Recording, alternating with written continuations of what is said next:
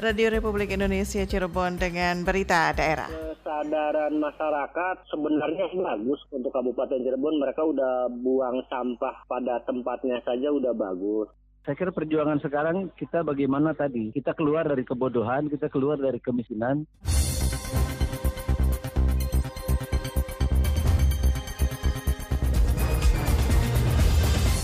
Sari berita, permasalahan sampah menjadi persoalan serius yang sangat sulit diselesaikan. Momentum Hari Pahlawan sangat penting untuk menumbuhkan rasa nasionalisme bagi generasi bangsa. Bersama saya Lisma Julia Sari, inilah berita daerah selengkapnya.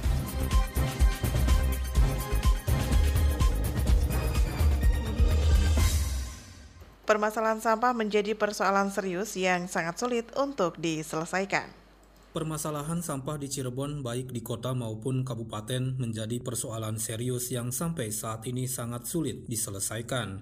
Terlebih di Kabupaten Cirebon belum adanya tempat pembuangan akhir sampah, TPAS mengakibatkan tempat pembuangan sampah liar menjamur di berbagai tempat. Aktivis Petakala Grage, Dedi Majmu kepada RRI mengatakan kesadaran masyarakat dalam membuang sampah sebenarnya sudah cukup bagus, hanya saja tidak diimbangi dengan keberadaan tempat pembuangan sampah sementara sehingga pada akhirnya masyarakat membuang sampah di tempat-tempat yang tidak seharusnya. Kesadaran masyarakat sebenarnya bagus untuk Kabupaten Cirebon. Mereka udah buang sampah pada tempatnya saja udah bagus. Cuma yang jadi masalah ini kita dilematisnya ini dengan pihak pemerintah kabupaten ya nggak menyediakan TPS TPS gitu tempat pembuangan sementara yang sekarang terjadi itu banyak timbulan-timbulan sampah di jalan-jalan gitu di pinggir-pinggir jalan di kuburan di sungai. Sementara aktivis lingkungan Cirebon Timur Roiman menuturkan penanganan sampah sebenarnya bukan hanya menjadi tanggung jawab pemerintah tetapi juga merupakan tanggung jawab semua pihak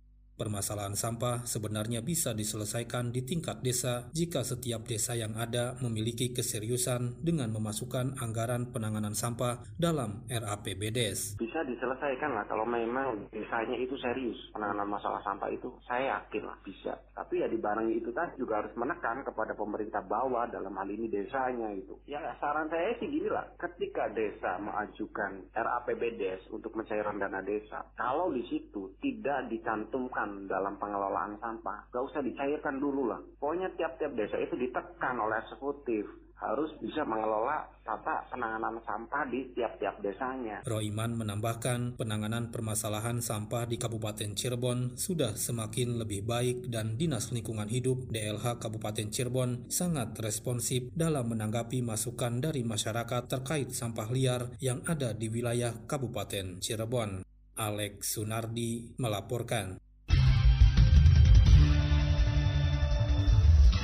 Pendengar berikut komentar masyarakat mengenai bagaimana mewujudkan Cirebon bersih dari sampah yang berhasil dihimpun RRI. Nama saya Ajis Septiawan, pekerjaan swasta mengenai pendapat saya tentang sampah di kota Cirebon, khususnya di Cirebon, itu masih buruk karena banyak warga kota Cirebon maupun sekitarnya itu masih membuang sampah itu sembarangan. Bahkan di sejumlah TPS yang ada di kota Cirebon maupun kabupaten itu kurang memadai lah. Artinya itu banyak banyak sampah itu yang tertumpuk bahkan hingga berbulan-bulan hingga bau tapi tidak diangkut oleh petugas. Baik di sungai atau di sungai yang kecil-kecil itu banyak itu sampah-sampah tapi tidak ada tanggapan dari pemerintah Nama saya Aulia, saya mahasiswi mengomentari tentang sampah di kota Cirebon. Untuk saat ini yang saya lihat dan permasalahan sampah di kota Cirebon ini masih buruk, terutama masyarakat di kota Cirebon ini masih belum sadar akan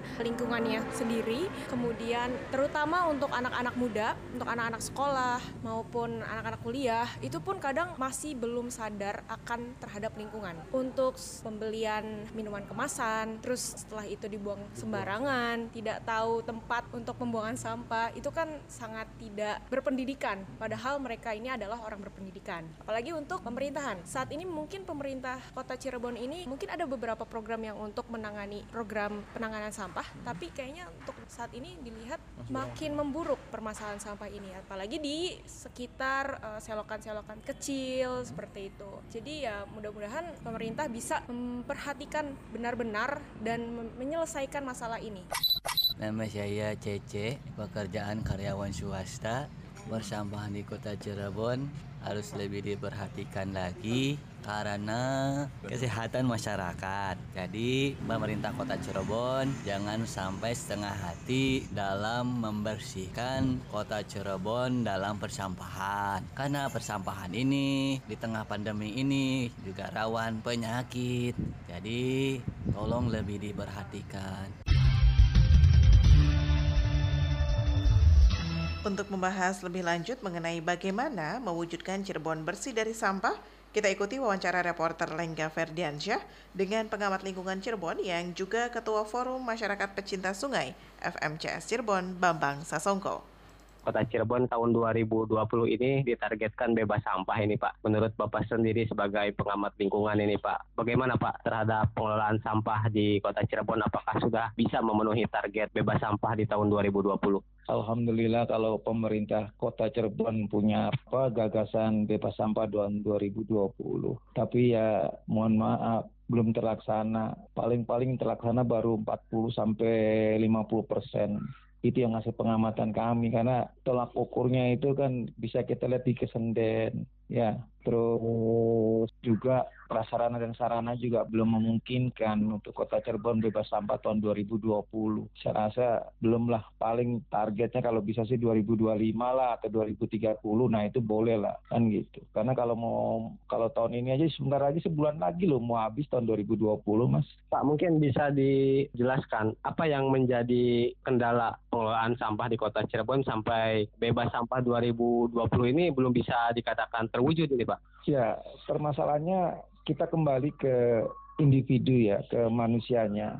Itu yang pertama. Yang kedua, sosialisasi ke masyarakatnya itu kan juga belum sampai ke titik paling paling rendah yaitu di tingkat RT kan belum. Apa tingkat keluarga juga belum. Itu jadi terus yang kedua, sarana dan prasarananya juga belum terpenuhi oleh Pemkot. Jadi ya belum bisa lah untuk target tahun 2020 ini jadi bebas sampah. Apa yang harus dilakukan pemerintah Kota Cirebon agar uh, mewujudkan bebas sampah ini bisa benar-benar terlaksana nih Pak? Yang pertama tadi, kita mensosialisasikan kepada masyarakat melalui tingkat RT RW, lantas kelurahan dan libatkanlah teman-teman aktivis lingkungan untuk sama-sama bergerak bersama, dinas KLH juga sama-sama bergerak. Jadi tidak tidak bisa kita bicara Pemda bergerak sendiri, terus teman-teman lingkungan bergerak sendiri, tidak bisa. Kita harus saling saling sama-sama bergerak gitu, Mas. Langkah apa yang harus dilakukan pemerintah Kota Cirebon agar sampah yang kita ketahui di wilayah Kesenden ini banyak sampah yang berserakan ini? Kita harus ber bersosialisasikan kepada masyarakat. Pemkot dengan aktivis lingkungan duduk bareng mensosialisasikan kepada masyarakat.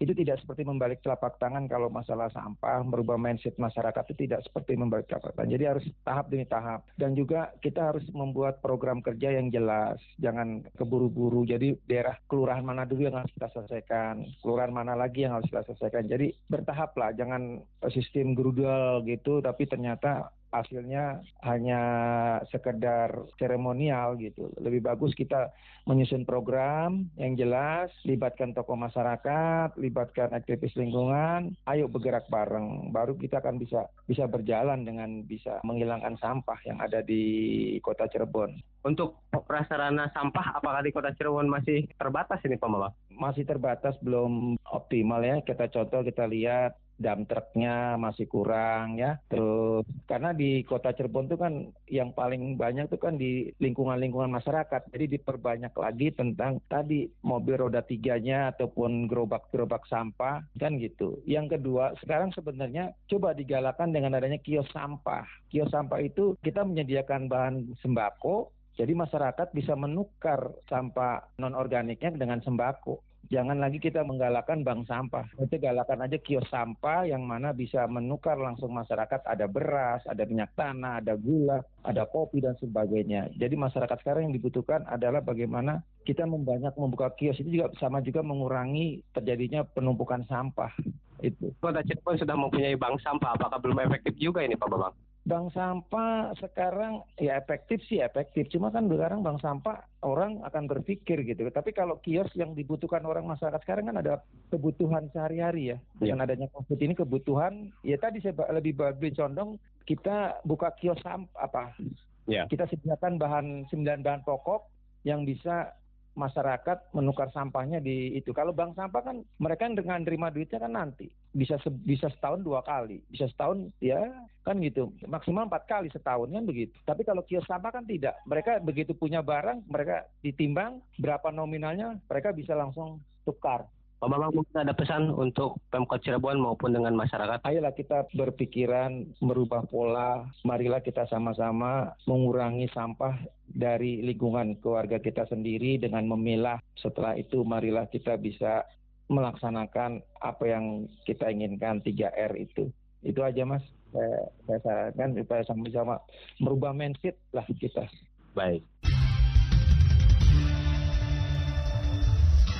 Satgas COVID-19 Kota Cirebon tahun depan akan melakukan tracing ke tingkat RW dengan prioritas warga yang kontak langsung dengan terkonfirmasi positif dan pulang dari luar kota. Ketua Harian Satgas COVID-19 Agus Mulyadi menjelaskan, tracing hingga ke RW untuk mencegah penularan COVID-19. Semakin tinggi masyarakat melakukan tracing, semakin cepat langkah pencegahan Satgas COVID-19. Penambahan kasus terkonfirmasi positif di Kota Cirebon cukup signifikan berdasarkan laporan Penambahan kasus berasal dari klaster keluarga sehingga tidak menutup kemungkinan yang tertular berasal dari luar kota Cirebon.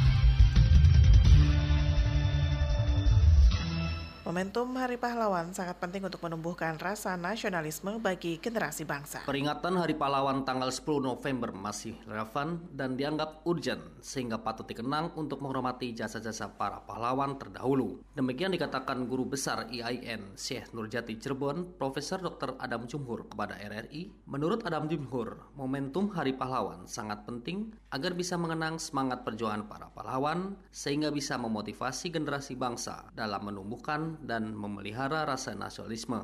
Meskipun Indonesia telah merdeka dari penjajah, namun kemerdekaan saat ini belum sepenuhnya didapat rakyat Indonesia. Perang masih berlanjut dalam arti bukan memerangi melawan penjajah, tetapi melawan kemiskinan, korupsi, kolusi, dan lainnya. Perang sekarang tidak kalah heroiknya seperti melawan penjajah, bahkan justru lebih sulit dari terdahulu saya kira perjuangan sekarang kita bagaimana tadi kita keluar dari kebodohan, kita keluar dari kemiskinan sehingga daya saing bangsa melawan penjajahan global ya dalam tanda petik itu harus kita gelorakan agar kita bisa menjadi bangsa yang diperhitungkan. Nah, kita menjadi bangsa yang tidak lagi dijajah secara ekonomi, secara budaya, secara pendidikan dan lain-lain. Adang Jumhur meminta momentum Hari Pahlawan tidak dijadikan acara seremonial semata, tetapi harus benar-benar dimaknai dan dan diperjuangkan agar bisa lepas dari penjajah saat ini. Fandi Yuda melaporkan. Memperingati Hari Pahlawan, Bupati Cirebon Haji Imron melaksanakan apel dan tabur bunga di Taman Makam Pahlawan Cakrabuana, Kabupaten Cirebon. Menurut Bupati Imron, jasa-jasa para pahlawan patut dijadikan teladan bagi seluruh masyarakat. Saat berjuang untuk merebut dan mempertahankan kemerdekaan, para pahlawan rela untuk mengorbankan tenaga, pikiran, harta, dan nyawa. Saat ini mengajak seluruh masyarakat untuk berjuang melawan COVID-19 yang masih terus mewabah di dunia. Masyarakat Kabupaten Cirebon bersama-sama melawan COVID-19 agar terhindar dari virus yang sudah memakan banyak korban. Kementerian Sosial menyelenggarakan bantuan keserasian sosial dan kearifan lokal dalam rangka pencegahan konflik sosial dan paham radikal. Mekanisme pengajuan bantuan dilakukan oleh pemerintah desa kepada Dinas Sosial Kabupaten Kota. Selanjutnya, rekomendasi pemerintah provinsi kemudian diusulkan ke Kementerian Sosial. Direktur PSKBS Kementerian Sosial Sunarti menjelaskan, komponen pembangunan dalam bantuan keserasian sosial mencakup dialog, pembangunan sarana prasarana publik, dan tunggu keserasian sosial serta biaya operasional FKS. Bantuan kearifan lokal di antaranya diperuntukkan untuk pembelian alat musik tradisional, kostum, biaya pementasan, dan biaya operasional sanggar. Tujuan bantuan keserasian sosial untuk meningkatkan semangat gotong royong, mencegah konflik dan bencana sosial, serta meningkatkan komitmen masyarakat untuk menjaga perdamaian. Bantuan kearifan lokal untuk radikalisme dan meningkatkan ketahanan masyarakat untuk merawat kearifan lokal sesuai dengan amanat Undang-Undang Nomor 7 Tahun 2012 tentang penanganan konflik sosial. Pemerintah Kota dan Kabupaten Cirebon bersinergi untuk memulihkan ekonomi akibat pandemi COVID-19 karena memiliki karakter topografi yang saling terkoneksi. Kedua daerah sepakat langkah awal untuk membangkitkan kembali sektor pariwisata, di mana wisatawan yang akan berkunjung ke kota Cirebon otomatis akan melintas dan singgah di Kabupaten Cirebon atau sebaliknya. Wali Kota Cirebon Nasruddin Aziz mengatakan, kedua daerah akan membuat paket wisata yang bisa memudahkan pengunjung karena kota dan Kabupaten Cirebon akan menjadi satu paket. Sementara Bupati Cirebon, Imron Rosyadi menegaskan, antusiasnya ketika paket ini akan disatukan demi memulihkan perekonomian masyarakat di tengah pandemi. Masing-masing daerah memiliki potensi wisata yang saling melengkapi. Dinas Kesehatan Kabupaten Majalengka mengklaim angka kasus balita dengan stunting atau tumbuh kerdil turun drastis sepanjang 2020. Berdasarkan hasil riset kesehatan dasar Riskesdes tahun 2018, 29 ribu lebih anak di Majalengka mengalami stunting atau 36 persen lebih dari jumlah anak di daerah tersebut. Kepala Dinas Kabupaten Majalengka, Amiluddin menyebutkan saat ini angka stunting hampir 30 persen atau hanya menyisakan sekitar 7 persen dari data Riskesdes tahun 2018. Data ini berdasarkan hasil penimbangan terhadap 80 ribu lebih balita. Hal ini membuktikan keberhasilan komitmen bersama pemerintah daerah dan stakeholder untuk menekan angka stunting dengan ditunjang program-program percepatan penanggulangan dan pencegahan yang menyasar langsung masyarakat yang rentan terkena stunting.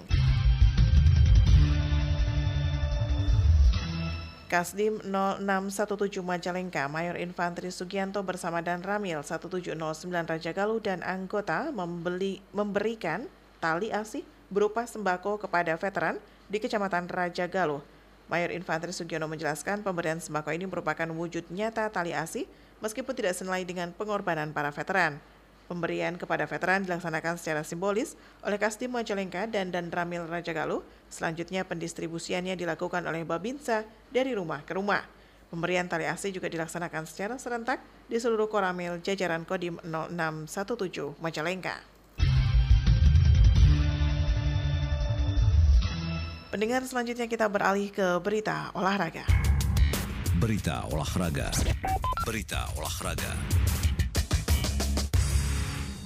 Lala Diah Pitaloka, siswi SMA Negeri 1 Raja Galuh Majalengka kembali menorehkan prestasi dalam kejuaraan karate tingkat Provinsi Jawa Barat tahun 2020.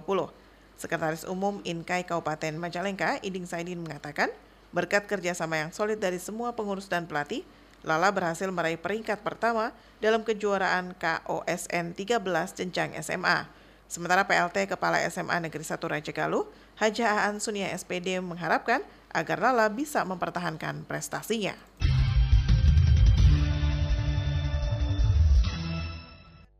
Saudara, sekian berita daerah kali ini. Terima kasih untuk kebersamaan Anda. Selamat pagi, sampai jumpa. Demikian rangkaian berita aktual pagi ini dalam Buletin Berita Daerah Radio Republik Indonesia Cirebon.